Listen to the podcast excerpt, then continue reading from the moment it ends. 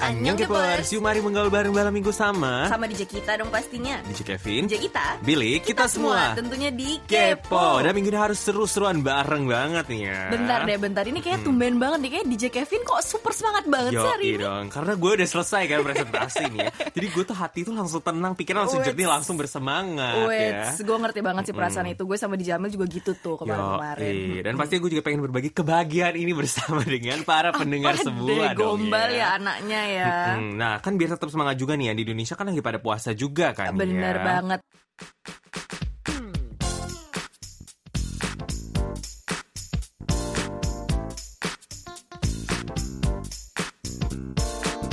Kupas tuntas berita terbaru Bareng sama DJ kita di Info Celebrities. Celebrities Sohyun Girls' Generation dipilih menjadi duta untuk pendidikan Unifikasi Korea. Kementerian Unifikasi mengumumkan berita ini sekaligus merayakan Minggu Unifikasi yang ke-6 pada tanggal 21 Mei yang lalu.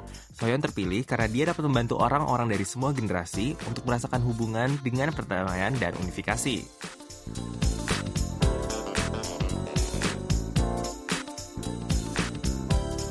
G-Dragon yang sedang menjalani wajib militernya dikabarkan menjalankan operasi pergelangan kakinya pada minggu lalu. Setelah menjalankan operasi, dia akan segera kembali ke militer dan ini bukan cedera karena aktivitas di militer, melainkan telah diderita dari sebelumnya. Katanya juga dia mendapatkan perawatan sejak sebulan lalu akibat cederanya ini.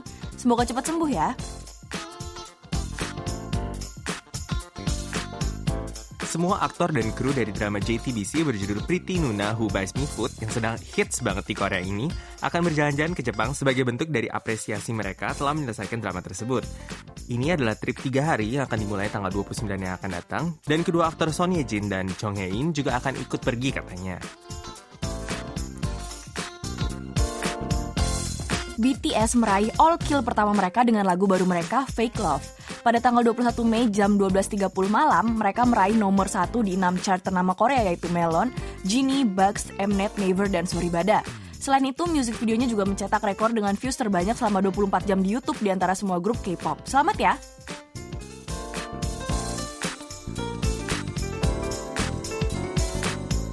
Ko Gyong-pyo tertangkap terlihat menggandeng tangan seorang wanita oleh seorang fans. Namun, agensinya menjawab bahwa itu hanya teman dekat saja dan bukan pacar. Dan pada tanggal 21 Mei yang lalu, dia telah masuk wajib militer di Samchok, Provinsi Gangwon. Dia juga mengupload foto dia yang telah mencukur rambutnya di Instagram pribadinya. Kita tunggu dia setelah 2 tahun ya.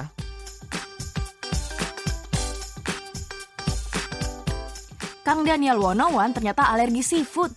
Dia bilang lewat acara Please Take Care of My Refrigerator kalau dia pernah dibawa pakai ambulans karena makan burger yang mengandung udang.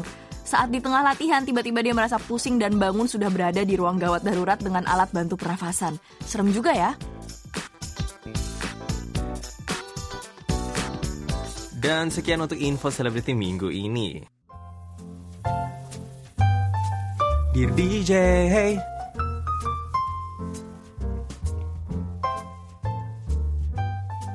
Dear DJ. Maaf ya kaku banget Ikutin kayaknya. nih ya. Ah, Nah, kita baca ini di DJ untuk minggu ini nih ya. Langsung aja yang pertama ada dari Daru Madara nih ya. Hai. Halo DJ Kevin dan DJ kita. Saya ingin bertanya mengenai umur atau yang suka di dalam bahasa Inggrisnya lain nih ya. Mhm. Nah, DJ biasanya kalau di Indonesia teman sebaya atau teman seumuran adalah teman yang lahir di tahun yang sama. Yes. Nah, tapi kalau yang saya lihat di Korea itu agak berbeda. Contohnya, waktu itu Eunhyuk Super Junior pernah mengatakan bahwa teman selainnya selain Donghae Super Junior adalah Victoria FX. Padahal setahu saya Victoria kelahirannya Februari 1987 dan Eunhyuk serta Donghae kelahirannya tahun 1986. Kenapa bisa begitu ya DJ ya? Apa ada batasan bulan kah? Maksudnya jika orang itu lahir di bulan April sampai Desember 2015 dan Januari sampai Maret 2016 itu bisa dikatakan selain dengan yang lahir di bulan Januari sampai Maret 2016 dan biasanya harus memanggilnya dengan sebutan kakak. Maaf jika pertanyaan terlalu panjang dan membingungkan atau pernah dibahas sebelumnya. Sekian dan terima kasih DJ nih katanya nih ya. Coba dijawab tuh DJ Kevin. Mm. Nah ini tuh maksudnya kayak satu line itu maksudnya tetap sih kalau misalnya di Indonesia kita kan juga tahunnya sama. Nah cuman tahunnya itu berdasarkan kalender lunar gitu kan ya, bukan bukan kalender pada pada umumnya yang kita pakai kalender masahi gitu kan ya. Eh, Hmm. Dan Korea tuh juga punya sesuatu yang beda dari umur-umur lainnya, yaitu Mm-mm. umur Korea dan juga umur internasional Karena ya. si lunar kalender itu kan Mm, ya. Dan juga bayi begitu lahir itu umur dia satu ya dihitungnya Mm-mm. kan. Mm, jadi Betul. gitu. Karena itu biasanya jadi kalau misalnya setelah tahun baru, tahun baru lunar itu kira-kira kan Februari tapi berubah terus gitu kan tanggalnya nih ya. Jadi orang yang lahir set- eh, setelah tahun baru lunar itu baru disebutnya beda lainnya Iya, gitu. bener banget. Dan makanya kadang-kadang kayak bisa beda umurnya kayak setahun atau dua tahun gitu karena belum eh, lewat si tahun baru lunarnya itu Mm, gitu. Semoga penjelasannya tidak membingungkan Iya, nih. gue ya. juga bingung sebenarnya. Tapi emang banyak banget teman-teman eh, temen gue, gue punya teman baik nih Hmm. dia kelahirannya bulan Februari tahun 90. Tapi teman-temannya dia semuanya kelahiran tahun 89 gitu. Hmm. Karena dia emang lahirnya ya sebelum si bulan lun- tahun lunar itu gitu kan. Betul. Jadi belum dihitungnya belum umur yang setelahnya gitu. exactly kayak gitu. Anyway lanjut aja daripada tambah bingung ya ah, anak-anaknya. Mm. Lalu ada lagi dari Eva Nurjana. Hai DJ apa kabar? Aku mau nanya dan minta saran dari DJ dan semua pendengar KBS World Radio Oh, Indonesia apa nih ya? Gimana sih cara ngadepin teman yang cuek, nggak peka, egois, muka tembok dan gengsinya itu gede banget. Semua disebut ya yang jelek-jelek yang ya. negatif-negatif jelek semua nih ya. Sifat-sifat jelek dia itu bikin aku capek banget buat ngadepin dia karena dia nggak mau coba berubah sedikit pun katanya. Hampir setiap kali kita ngobrol selalu aku yang mulai padahal ada kalanya aku pengen ditanya, didengar dan dapat feedback dari dia juga gitu. Tapi dari semua sifat jelek dia aku paling nggak tahan sama muka tembok dan gengsinya itu loh DJ. Karena tiap kali dia bikin salah, she acts like nothing happened dan gengsi dia itu gede banget kalau buat bilang minta tolong, makasih atau minta Gue maaf paling gak suka nih orang Hmm. gini ya. Anyway. bilang kayak gitu ke aku aja dia nggak berani ngomong secara langsung padahal kita itu satu kosan Hmm. loh dia pernah bilang ke aku kalau dia salah tolong diingetin tapi kalau aku ingetin ujung-ujungnya dia selalu bilang ya aku kan emang gini gitu kan jadi kesannya aku yang salah dan gak nerima dia apa adanya kalau aku nggak nerima dia apa adanya aku nggak mungkin mau temenan sama dia selama enam tahun. Ini kan DJ sekian dulu ya curhatnya DJ makasih ya. Wah, Gitu. ini curcolan banget nih ya dari Eva nih ya. Kalau gue sih tadi pertama dari denger ya udah cuek nggak peka egois muka tembok yang sia gede. Kalau gue sih nggak temenin ya. daripada kamu Evanya yang sakit hati terus gitu. Mendingan walaupun memang sudah ini kalau gue nih ya walaupun memang sudah eh, pertemanan 6 tahun nih memang udah lama kan ya. Tapi ya kalau kamu memang sakit hati terus ya udah di ya Enggak sih, tapi gue kalau menurut gue but sure tinggalin kah gitu Enggak, menurut gue yang beda dari Eva dan kita berdua ini adalah Eva ini orangnya baik, dia Iya, tidak mau nggak- membuat nggak musuh. seperti kita nih. Eh, kalau kita "Ya udah lah ya buang aja gitu. iya, tapi ini ya eh emang kadang nyebelin juga sih kalau dia bilang tolong lah diingetin kalau salah. Begitu diingetin malah ngomongnya ya emang gue gini gitu kan ya. Gue Iya. juga nggak suka sih ngomong kayak gitu nih ya. dan tapi kayaknya eh, pertemanan yang kayak zaman dulu gitu kalau misalnya gue masih sekolah masih kita selalu eh, gimana ya bergrup atau gimana pun masih banyak banget kayaknya ketemu orang-orang yang kayak gini juga gitu kan ya. Tapi di satu sisi mau dimusuhin tapi kita kayaknya segrup juga gimana iya gitu kan ya. Nanti jadi awkward mm-mm. gitu kan. Nah ini kayaknya pantas banget untuk kita bahas buat eh, kata kamu kata aku nih ya. Tapi berhubung karena kata kamu kata aku minggu depan itu adalah yang spesial untuk HUT KBS World Indonesia.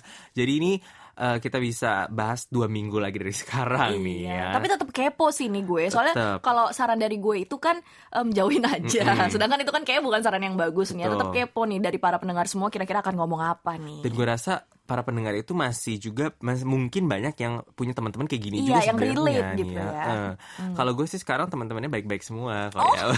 sama gue juga. anyway, ntar uh, jadi kita review balik nih ya. Jadi ngadepin teman yang sifatnya jelek, kalau dikasih tahu dia salah, diingetin, uh, malah kesannya nggak mau nerima gitu kan ya. Terus tapi kalau dikasih tahu nggak mau berubah juga. Jadi mestinya gimana nih anaknya para pendengar semua Mesti nih ya. gimana nih enaknya? Hmm.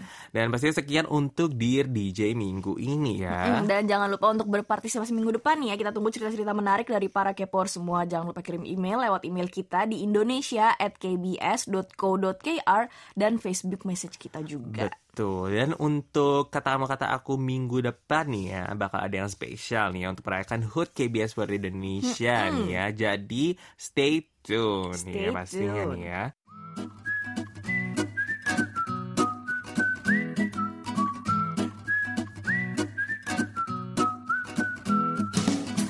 Kata kamu kata aku nih ya untuk minggu ini topiknya ini percintaan percintaan terus nih ya akhir-akhir ini kayaknya nih Kita ya. jadi kayak love doctor gitu nih ya. Nah langsung aja kita bacain topiknya untuk minggu ini adalah jadi nih ya deket sama dua cowok nih ya Yang satu lebih muda, satu kantor tapi kalau suka kalau chat suka kayak ngajak berantem tapi suka ngajak jalan bareng di satu sisi nah yang satu lagi itu lebih tua adanya di luar kota tapi kalau chat tuh kayaknya perhatian banget. Nah jadi dia ini bingung nih ya mesti memilih yang mana Oh, nih ditanya nih ya. Eh, langsung aja kita baca yang pertama nih ya komen dari pendengar kita Eva Nurjana nih ya ya aku nggak pernah ngerasain yang kayak gini sih ya DJ jadi nggak tahu rasanya gimana. Tapi kalau menurut aku sih jalanin aja dulu sampai kamu tahu kalau dia yang paling bikin kamu nyaman katanya pilih yang paling bisa kamu terima kekurangannya juga Uh. dan pasti di setiap pilihan itu ada yang paling mendekati sama tipe ideal kita DJ jadi gunain tipe-tipe ideal itu buat nentuin siapa yang bakal kamu pilih ya. Hmm. No ya tadi jadi gue flashback juga ya. Jadi dia bilang nih kalau dia tuh udah lama banget gak pacaran. Jadi dia tuh kayak kurang peka gitu ya. Mungkin Ah. kalau misalnya lebih lama lagi waktunya dia lebih peka lagi. Jadi bisa diasah lagi nih ya. Tipe-tipe ideal gue apa Diasah gitu ya. lagi. Kan udah mungkin udah melupakannya gitu. Lo kira kan ya. ngasah talenta gitu. Eh, eh, ngasah ini pisau mungkin ya. Cuman yang eh, ya ini kan nggak dikebu nggak diburu waktu juga kan si cewek ini sebenarnya. betul. Mm, jadi ya take time, take your time Betul. gitu kan.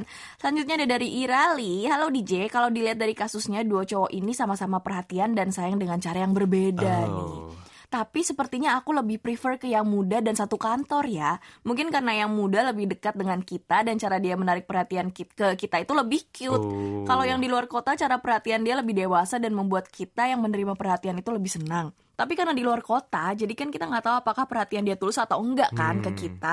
Karena kan kita juga tidak bisa melihat dan merasakan langsung. Betul. Sedangkan yang dekat bisa kita lihat dan rasakan langsung katanya gitu. Tuh. Tapi ini menurut gue mungkin si Irali ini lebih suka yang perhatian-perhatian yang cute-cute gitu nih ya. Mungkin si pendengar yang eh, ngasih topik ini mungkin dia galaunya karena dia lebih sukanya yang dewasa mungkin gitu ya. ya. Jadi dia kayak gue suka yang cute ini tapi yang dewasa ini kayaknya gue lebih suka tapi dia di luar kota jadi dia bimbang Bener banget nih. nih Karena mungkin emang ya. logikanya nih ya, pasti yang dipilih ya yang lebih deket nggak sih? Tapi Harusnya kenapa dia ya. punya eh, kegalauan seperti ini kan karena mungkin dia lebih prefer ke yang dewasa. Mungkin, DJ ya. Kevin pinter, nih ya. Pinter ya. Tapi ya gitu, tapi ya pastinya kalau misalnya sebenarnya kalau bisa sih merasakan langsung nih ya dari yang luar kota jadi ketemu gitu supaya Bener. bisa emang beneran gak sih nih orang gitu bener-bener eh, setia gak sih? Tulus gak sih? Gitu kan Yes. kasih sayang. Cie. Nah kemudian selanjutnya dari Jion Park nih ya.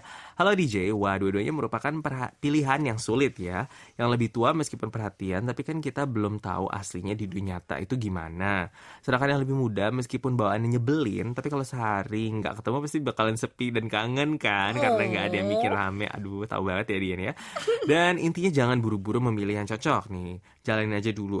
Kalau misalnya ada yang co- ada yang jodoh kan ujung-ujungnya pasti kita semakin didekatkan tapi ya gitu DJ buat orang yang ternyata bukan jodoh kita bukan berarti orang itu nggak baik tetap jalanin pertemanan dan komunikasi wah Iya. ini dewasa banget juga nih kayaknya ya Jihan Park nih ya kalau misalnya bukan jodoh bukan berarti harus dimusuhin gitu ya Bener banget. Mm-mm. Iya. Kita sebagai manusia harus berteman dengan semuanya Betul. gitu. Tadi lu kan. perasaan baru bilang katanya musuh-musuhin aja ya. iya lanjut aja yuk Hmm. Ada dari Lilis Widarti Halo DJ Wah it's been a long time Saran aku Pertama mungkin pastiin dulu sikap mereka kayak gitu tuh arahnya ke mana Cuman Oh. main-main atau mau serius nih Hmm. Mungkin bisa aja memang dia tipe orang yang suka perhatian Atau ngajak jalan ke semua orang Ini yang maksudnya yang di kantor nih ya Mm, kayaknya ya. dan mungkin mau nguji kamu juga. Hmm. Nah di tahap ini juga nih ya berguna banget buat ngebatasin tingkat kebaperan. Aduh ini masalah tingkat kebaperan tuh nggak bisa diatur nih ya. Kedua, kalau sudah paham situasinya ya jalan pelan-pelan aja. Hmm. Ikutin alur permainannya sampai beneran ada yang berani bikin komitmen. Dibawa santai aja selama belum ada ikatan. Tapi yang ya tapi ya balik lagi ke hatinya nih ya. Siapa yang bisa bikin kita merasa lebih nyaman, yang bisa treat you better, yang make you complete katanya. Yes. Uh, lirik nih ya. gue lanjutin ya. Nah, jadi setiap orang punya cara penilaian masing-masing kan ya. Jadi pasti salah satu di antara dua itu ada yang lebih pengen kita pertahankan karena tanpa sadar beneran sayang dan ada yang salah satunya cuma karena perasaan nggak enak. Kalau mau tegas milih sesua- sewaktu udah mantap ya nggak apa-apa. Tapi di dunia manusia itu ada give and take. Jadi sebaiknya tetap jalin komunikasi yang baik sebagaimana kedua orang itu udah kasih perhatian lebihnya. Sampai udah ada ikatan mereka pun akan mundur teratur. Alon-alon asal kelakon aja nih ya. gue suka nih ya Lilis Widarti nih ya. Tapi bener kadang nih ya, masalahnya adalah banyak tuh orang-orang yang kayak gitu. Deketin, deketin, deketin, deketin, yang ada bikin orang baper. Terus ya Iya. nggak ada nggak ada perasaan apa pun, maksudnya di satu sisi ya sih misalnya let's say ya cowoknya eh, nggak ada perasaan apa pun tapi bikin ceweknya baper gitu kan. Iya, itu c- masalah cowok banget tuh. Cowok tuh harus belajar untuk nggak bikin cewek baper juga sebenarnya. gitu ya. Atau mungkin kebalikannya juga ya. Oh, mungkin iya. gue nggak tahu. Tapi karena gue cewek, ya sebenarnya. Ka- karena gue cewek, kebanyakan dibawa baper sama orang. Jadi kan kenapa sih cowok itu selalu bikin baper gitu kan? Hmm, tapi cewek-cewek itu juga sebenarnya udah harus emansipasi juga. Jangan minta ditunggu ditembak terus aja gitu ya. Tembak juga dong cowoknya loh. mungkin bisa bisa. Eh, gitu kan ya. Nah kemudian lanjut nih dari mana Eh, nih? ada dari Novia Castiani nih. Wah, kondisinya hampir sama nih. Oh Weh. wow, ini ternyata ada pendengar banyak yang sama juga ya. Ada yang didekati dengan dua cowok juga Kok nih. ya. kalian beruntung sekali sih? Anyway. Boleh bagi-bagi loh. Kalau aku sih dilihat dulu nih mana yang Hmm. memang betul-betul punya niat serius sama kitanya. Tapi bukan berarti kita menjauhi yang satunya lagi nih. Kita tetap menjalani komunikasi yang baik Hmm. Kok supaya kayak rakusnya kesada? Kayak buat cadangan aja deh gitu ya. Supaya silaturahmi pertemanannya juga tetap baik nih. Hmm. Dan jangan lupa pastiin juga sama hati kita sendiri mau pilih yang mana. Soalnya kalau nggak jelas itu ya kerasa DJ nggak enaknya kan. Betul. Apalagi kalau misalnya kayak dua gitu gak sih ya, mendua gitu kan ya. Untung Eh. masih dua nih ya, belum tiga. Wow loh, ternyata udah, udah tiga ya DJ kita cuman ya ternyata cuman ya. Hmm. misalnya gini apa namanya misalnya lo punya lo lagi SMS-an nih sama dua cowok nih Eh, mikir aja kayak SMS tuh zaman eh kapan sih? SMS-an terus apa dong WhatsAppan Ah gitu. Dia lagi Dulu. SMS tuh zaman gue SMP SD kali ya. misalnya lagi misalnya lagi WhatsAppan nih sama dua cowok Em, eh, coba rasakan misalnya gue gue harus banget nih ngebales SM eh, WhatsApp si A atau gue harus banget nih ngebales WhatsApp si B. Soalnya misalnya gini, misalnya DJ Kevin lagi eh, nge-WhatsApp gue nih. Kadang-kadang gue diemin aja karena kadang-kadang nggak penting gitu kan. Cuman kalau misalnya orang lain, oh iya nih kayaknya dia penting nih, kayaknya gue harus banget nih nge-WhatsApp balik dia. Mungkin itu juga apa namanya ya salah satu em, permulaan dari kamu, kamu lebih care ke yang mana, Mana gitu. gitu ya. Jadi gue udah no tahu offense nih ya buat Hmm, Jadi selama ini gue kalau misalnya gak dibales itu ternyata begitu ya. Eh, cukup tahu eh, aja. eh gue jatuh lagi nih ya anak ini jatuh lagi kan. Tahu aja gitu. Terserah gitu kan. Anyway, kemudian selanjutnya nih ada dari Kuni Sanggadati nih ya, tes kesetiaan. Wow. Apa Coba nih? tes aja perhatian keduanya. Tapi biasanya yang jauh lebih ngangenin ya. Kalau yang deket mungkin bisa jadi sahabat, mungkin bisa sahabat jadi cinta. Pilih yang enak diajak ngobrol saja kalau menurut aku nih katanya gitu. Yang paling nyaman aja nih ya. Benar Hmm. benar. Lalu selanjutnya lagi nih ada dari Briti Dehasna Afaf. Waduh, dua-duanya menurutku sama-sama perhatian si DJ tapi dengan cara yang berbeda Hmm. nih ya. Ya jalani dulu aja PDKT-nya. Ya kalau sudah merasa aman dan nyaman sama salah satu cowoknya, ya bisa diputuskan mana yang terbaik untuk menjalankan hubungan ke arah yang lebih serius. Hmm, ini sama nih ya. Yang penting pokoknya jalanin dulu aja. Nanti ke depannya gimana kita lihat lagi gitu ya. Kemudian selanjutnya ada dari Rudi Hartono nih ya. Saran saya kedua orang ini sama-sama baik dan apa adanya. Satunya marah-marah tapi sayang dan satunya perhatian dengan penuh kasih sayang. Oh, kondisi ini memang membuat sulit bagi wanita untuk memilih karena wanita itu senang dimanja. Oh, exactly. Kalau marah-marah mulu jadi bete deh ya. Nah, saran saya perlu diuji kesetiaan dan kecintaannya seperti apa. Muda bukan berarti tidak peduli. Sedangkan yang lebih tua biasanya lebih dewasa dan mapan. Hidup itu pilihan DJ, jadi jangan salah pilih ya. Kok kesannya jadi gue yang punya masalah ya? Eh, tapi anyway, betul nih ya. Eh, kembali lagi nih ya, dicek lagi kesetiaan dan kecintaannya. Kalau menurut gue sih ya, mendingan yang dari luar kota itu suruh datang, gitu nggak sih? iya, Dicek itu itu cara menguji kesetiaannya lo mereka. mau nggak gitu. ketemu gua Iya, gitu bener banget. tes dari situ dulu gitu kalau dia bela-belain sampai dari luar kota nah itu baru terus nanti lu suruh yang di deket apa yang di kantor itu suruh keluar kota dibalik gimana mau nggak dia keluar kota belum beli ini apa gue di keluar kota gitu kesetiaannya gimana gitu kan Boleh, boleh. Terserah mau ditiru atau enggak, tapi boleh, boleh. Mm-mm. Lo ada lagi dari Kanti Rizky Mulyantari. Hai DJ, kalau menurut aku sih aku lebih milih cowok yang lebih tua nih. Karena nanti kalau hubungan kita ke jenjang yang lebih serius Dia bisa membimbing kita katanya. Dan biasanya lebih penyayang Tapi ya tergantung juga sih ya Cowok lebih muda juga banyak yang berperilaku dewasa. Intinya sih milih yang terbaik. Entah itu sifat, perilaku, dan kalau ngomong nyambung Dan nyaman aja gitu DJ Untuk semua pendengar yang sedang merasakan situasi ini Semoga diberikan jalan yang terbaik oleh Tuhan. Amin. Hmm, masih nih ya sama nih ya tapi gitu biasanya sih kalau cewek memang lebih sukanya lebih tua sih ya betul Eh tapi zaman sekarang itu ada tren di mana iya nih pacar gue lebih muda Oh, gitu, gitu. kan lebih lucu. kalau gitu. DJ kita sendiri gimana nih lebih tua, gue jujur personally lebih suka yang lebih tua sih. nggak harus tua sebenarnya dewasa? Dewasa, bener, Betul bener, ya. bener. Eh. Nah kemudian selanjutnya ada dari Ara Aryani Alena nih ya Nyong DJ Wah udah lama nggak ikutan segmen ini ya Ke mana Wih, aja ya Ke mana aja kamu? Hmm, nah orang kan beda-beda ya DJ seleranya. Mungkin ada yang suka kalau lebih cuek tapi perhatian, atau mungkin ada juga yang lebih suka kalau perhatiannya 100% dan lemah lembut. Toh hati yang milih. Terkadang logika tidak sesuai dengan hati. Oh. kalau aku suka kalau aku sih coba aja dijalanin dulu yang mana lebih nyaman dan buat kamu bahagia. So tetapkan hati di situ. Selamat bulan puasa DJ. Iya nih lagi masih bulan puasa kan ya. Hmm. Ini tapi semuanya rata-rata milih apa sih yang kamu nyaman dulu gitu Ini kan. ada logika-logika jadi inget lagunya Agnes Monica dulu ya. Kadang-kadang tak ada logika. Oke, anyway. Oke. lanjut ya. Dari Hindun ke Nadliva, saya tipe yang nggak suka wasting Oh. time. Apalagi terkait perasaan. Buang Jadi- aja loh. Jadi langsung aja tanyain seriusnya mau sampai mana Oh. gitu loh. Because biasanya semua cowok yang ndak ada rencana jangka panjang biasanya menghindar dari pertanyaan ini katanya gitu. Wah, ini Menghindar dari pertanyaan ini atau sengaja ngulur waktu dan tidak menanyakan Bikin pertanyaan baper ini. gitu Bikin kan ya. baper cowoknya kan. Eh, bikin baper ceweknya kan. tapi ini sangat ini to the point banget nih ya Hina nih ya. Lu tuh mau apa sih dari gua gitu Hmm. Iya, kesannya jangan gitu ya. kelamaan gitu loh kalau dia di cowok, ya kan. Hmm, jangan pelin-pelan gitu. ya. Jangan Langsung pernah. aja. Tapi bener lagi kembali lagi sih ke emansipasi wanita gitu Oh, kan. Bisa aja memang ceweknya yang nanya duluan. Cuman Betul. pribadi juga nih kalau gue, gue lebih minta ditanyain sih. Oh gitu.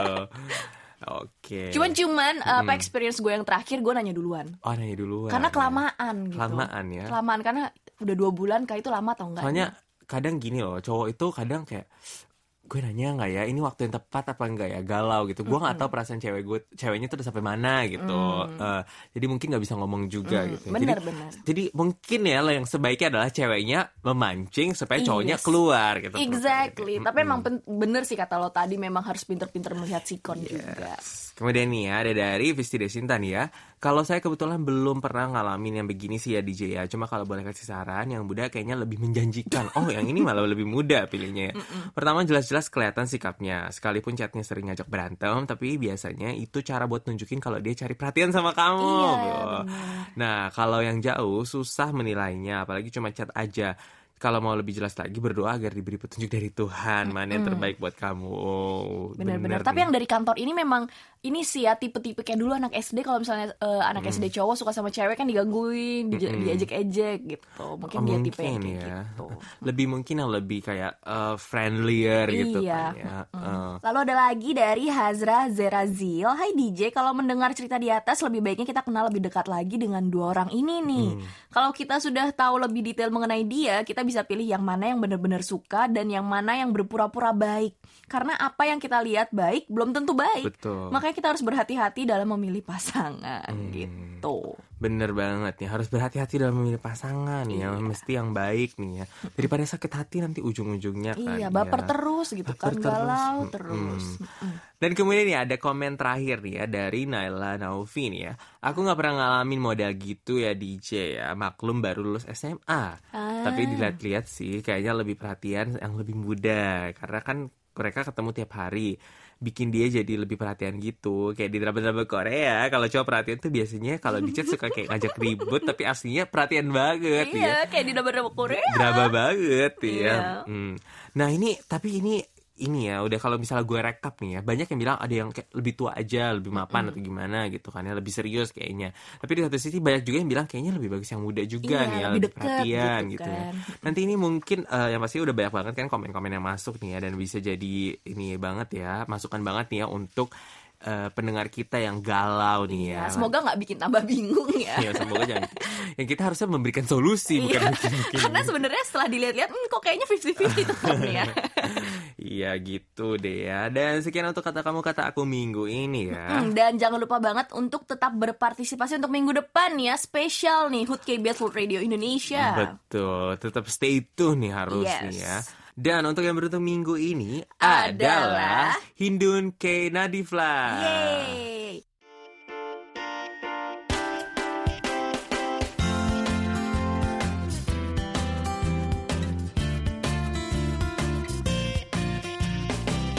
Amel, annyeong. Annyeong nih Kevin, Jegita. Apa kabar Mel? Baik, baik. Kalian gimana nih? Apa kabar? Dibaikin aja yuk, baik.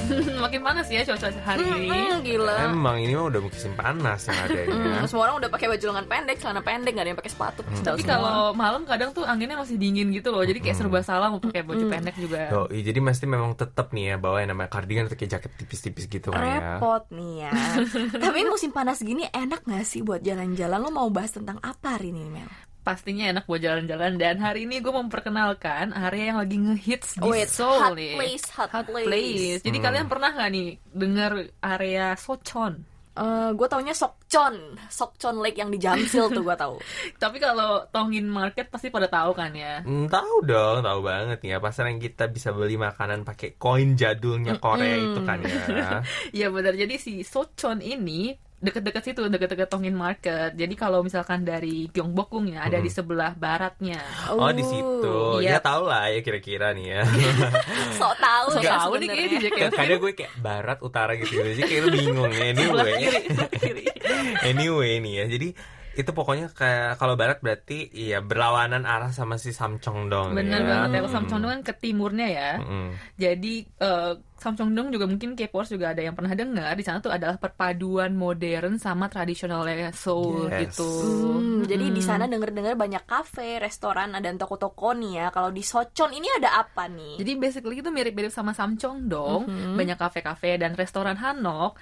Tapi karena si Samcheongdong ini udah turisti ya, di mana-mana tuh overpriced itu mahal harga-harganya. Cuma kalau di Sochon masih sepi, tenang dan harga-harganya masih relatif murah.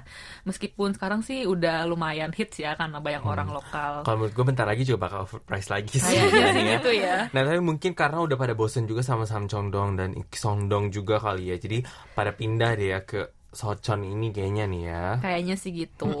Anyway nih, kalau masalah kafe-kafe atau tempat-tempat ngehits kan emang Amel paling tahu banget kan nih. Dan lo tuh tahu dari mana sih Mel tempat-tempat seperti ini?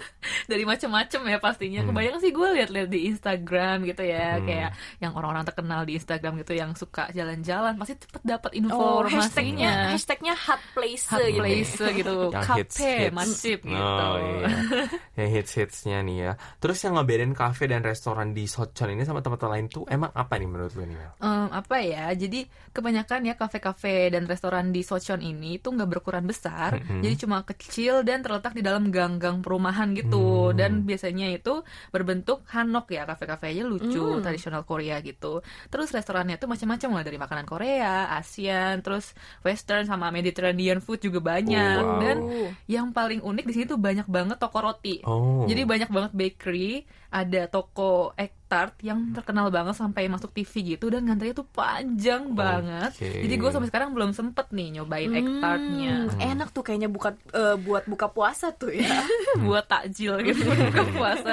Ya dan ada satu lagi nih yang harus dikunjungi kalau kita ke area Sochon adalah tempat bernama Isang Jeep atau Lisang's House. Uh, Oh, apa tuh? Isangnya rumahnya Gary sama Gil itu Mereka tinggal bareng gitu ya. Isang kan ya, ya. bukan bukan Lisang grup penyanyi ya, tapi Lisang itu adalah seorang penulis ternama di Korea nih Kev, gitu. ya. Jadi katanya si orang Korea tuh nggak mungkin nggak tahu sama Oh. Lisang ini. Jadi kononnya beliau itu tinggal di rumah ini selama 20 tahun mulai dari beliau umur 3 tahun kan kalau nggak salah dan tahun 2009 rumah ini dijadikan salah satu Seoul Future Heritage Oh. gitu Oh, rumahnya sampai dijadikan heritage nih ya. Emangnya kayak gimana sih rumahnya? rumahnya tuh hanok jadi berbentuk tradisional Korea gitu meski pastinya udah direnovasi dan diperbarui sih ya cuman tetap berasa otentik di sana Kalau di sini hanoknya itu udah ini ya pintunya udah otomatis Iya, ya. iya, benar. Udah pakai ini pintu kaca touchscreen semua nih ya. dan rumahnya sendiri tuh nggak begitu besar ada teras kecil di belakangnya dan ada foto-foto dari penulis Lisang Hmm. dan di ruang utama tuh ada meja cukup besar di mana kita bisa baca buku-buku karya beliau gitu Oh, menarik juga nih ya. Nah, terus untuk masuk ke rumah ini ada tiket masuk kayak gitu tuh gimana nih? Mm, nggak ada. Jadi rumah ini tuh disponsori, bukan disponsori apa ya, disupport oleh warga. Hmm. Jadi nggak ada tiket masuk nih. Jadi kita bisa masuk dengan gratis dan semuanya terbuka untuk umum. Oh, gitu. jadi mungkin numpang nginep juga boleh dong ya. Ada-ada aja anak ini ya, tapi gue suka banget nih. Jadi warga kayak kesadaran diri gitu Betul, ya, betul. melindungi heritage gitu. Jadi Keren nih, kalau lo ke sana ya gitu ada kayak semacam kotak kecil di mana lo bisa masukin Nyumbang donasi nyumbang donasi gitu. gitu, Wah, keren, iya. keren. Dan pokoknya kalau misal kalian datang ke daerah-daerah Gyeongbok- Gyeongbokgung Palace atau dekat Gwanghwamun situ, sempetin deh nih berkunjung ke Sochon area ini dan mampir ke rumahnya Risang. Kok gue kayak so kenal gitu. Temen gua kenalan gitu. dulu eh, nih. Eh, jangan lupa naruh donasi juga sebelum lo pergi tapi sayang banget nih gue agak jarang ke daerah itu nih ya Terus jauh ya dari kita punya tempat. Jauh ya dari gunung ke gunung ya. Yo, itu udah melewati melewati gunung lain Iya. ya bahkan nih ya. Eh, Dan anyway seperti biasa foto-fotonya bisa dilihat di website kita dong ya. Iya dong, seperti biasa, dokumentasinya bisa dilihat di world.kbs.co.kr slash Indonesia. thank you banget ya Mel buat ceritanya hari ini dan kita ketemu lagi minggu depan kan Iya, sama-sama. Sampai ketemu minggu depan ya, Kepers. Untuk kamu dari Korea.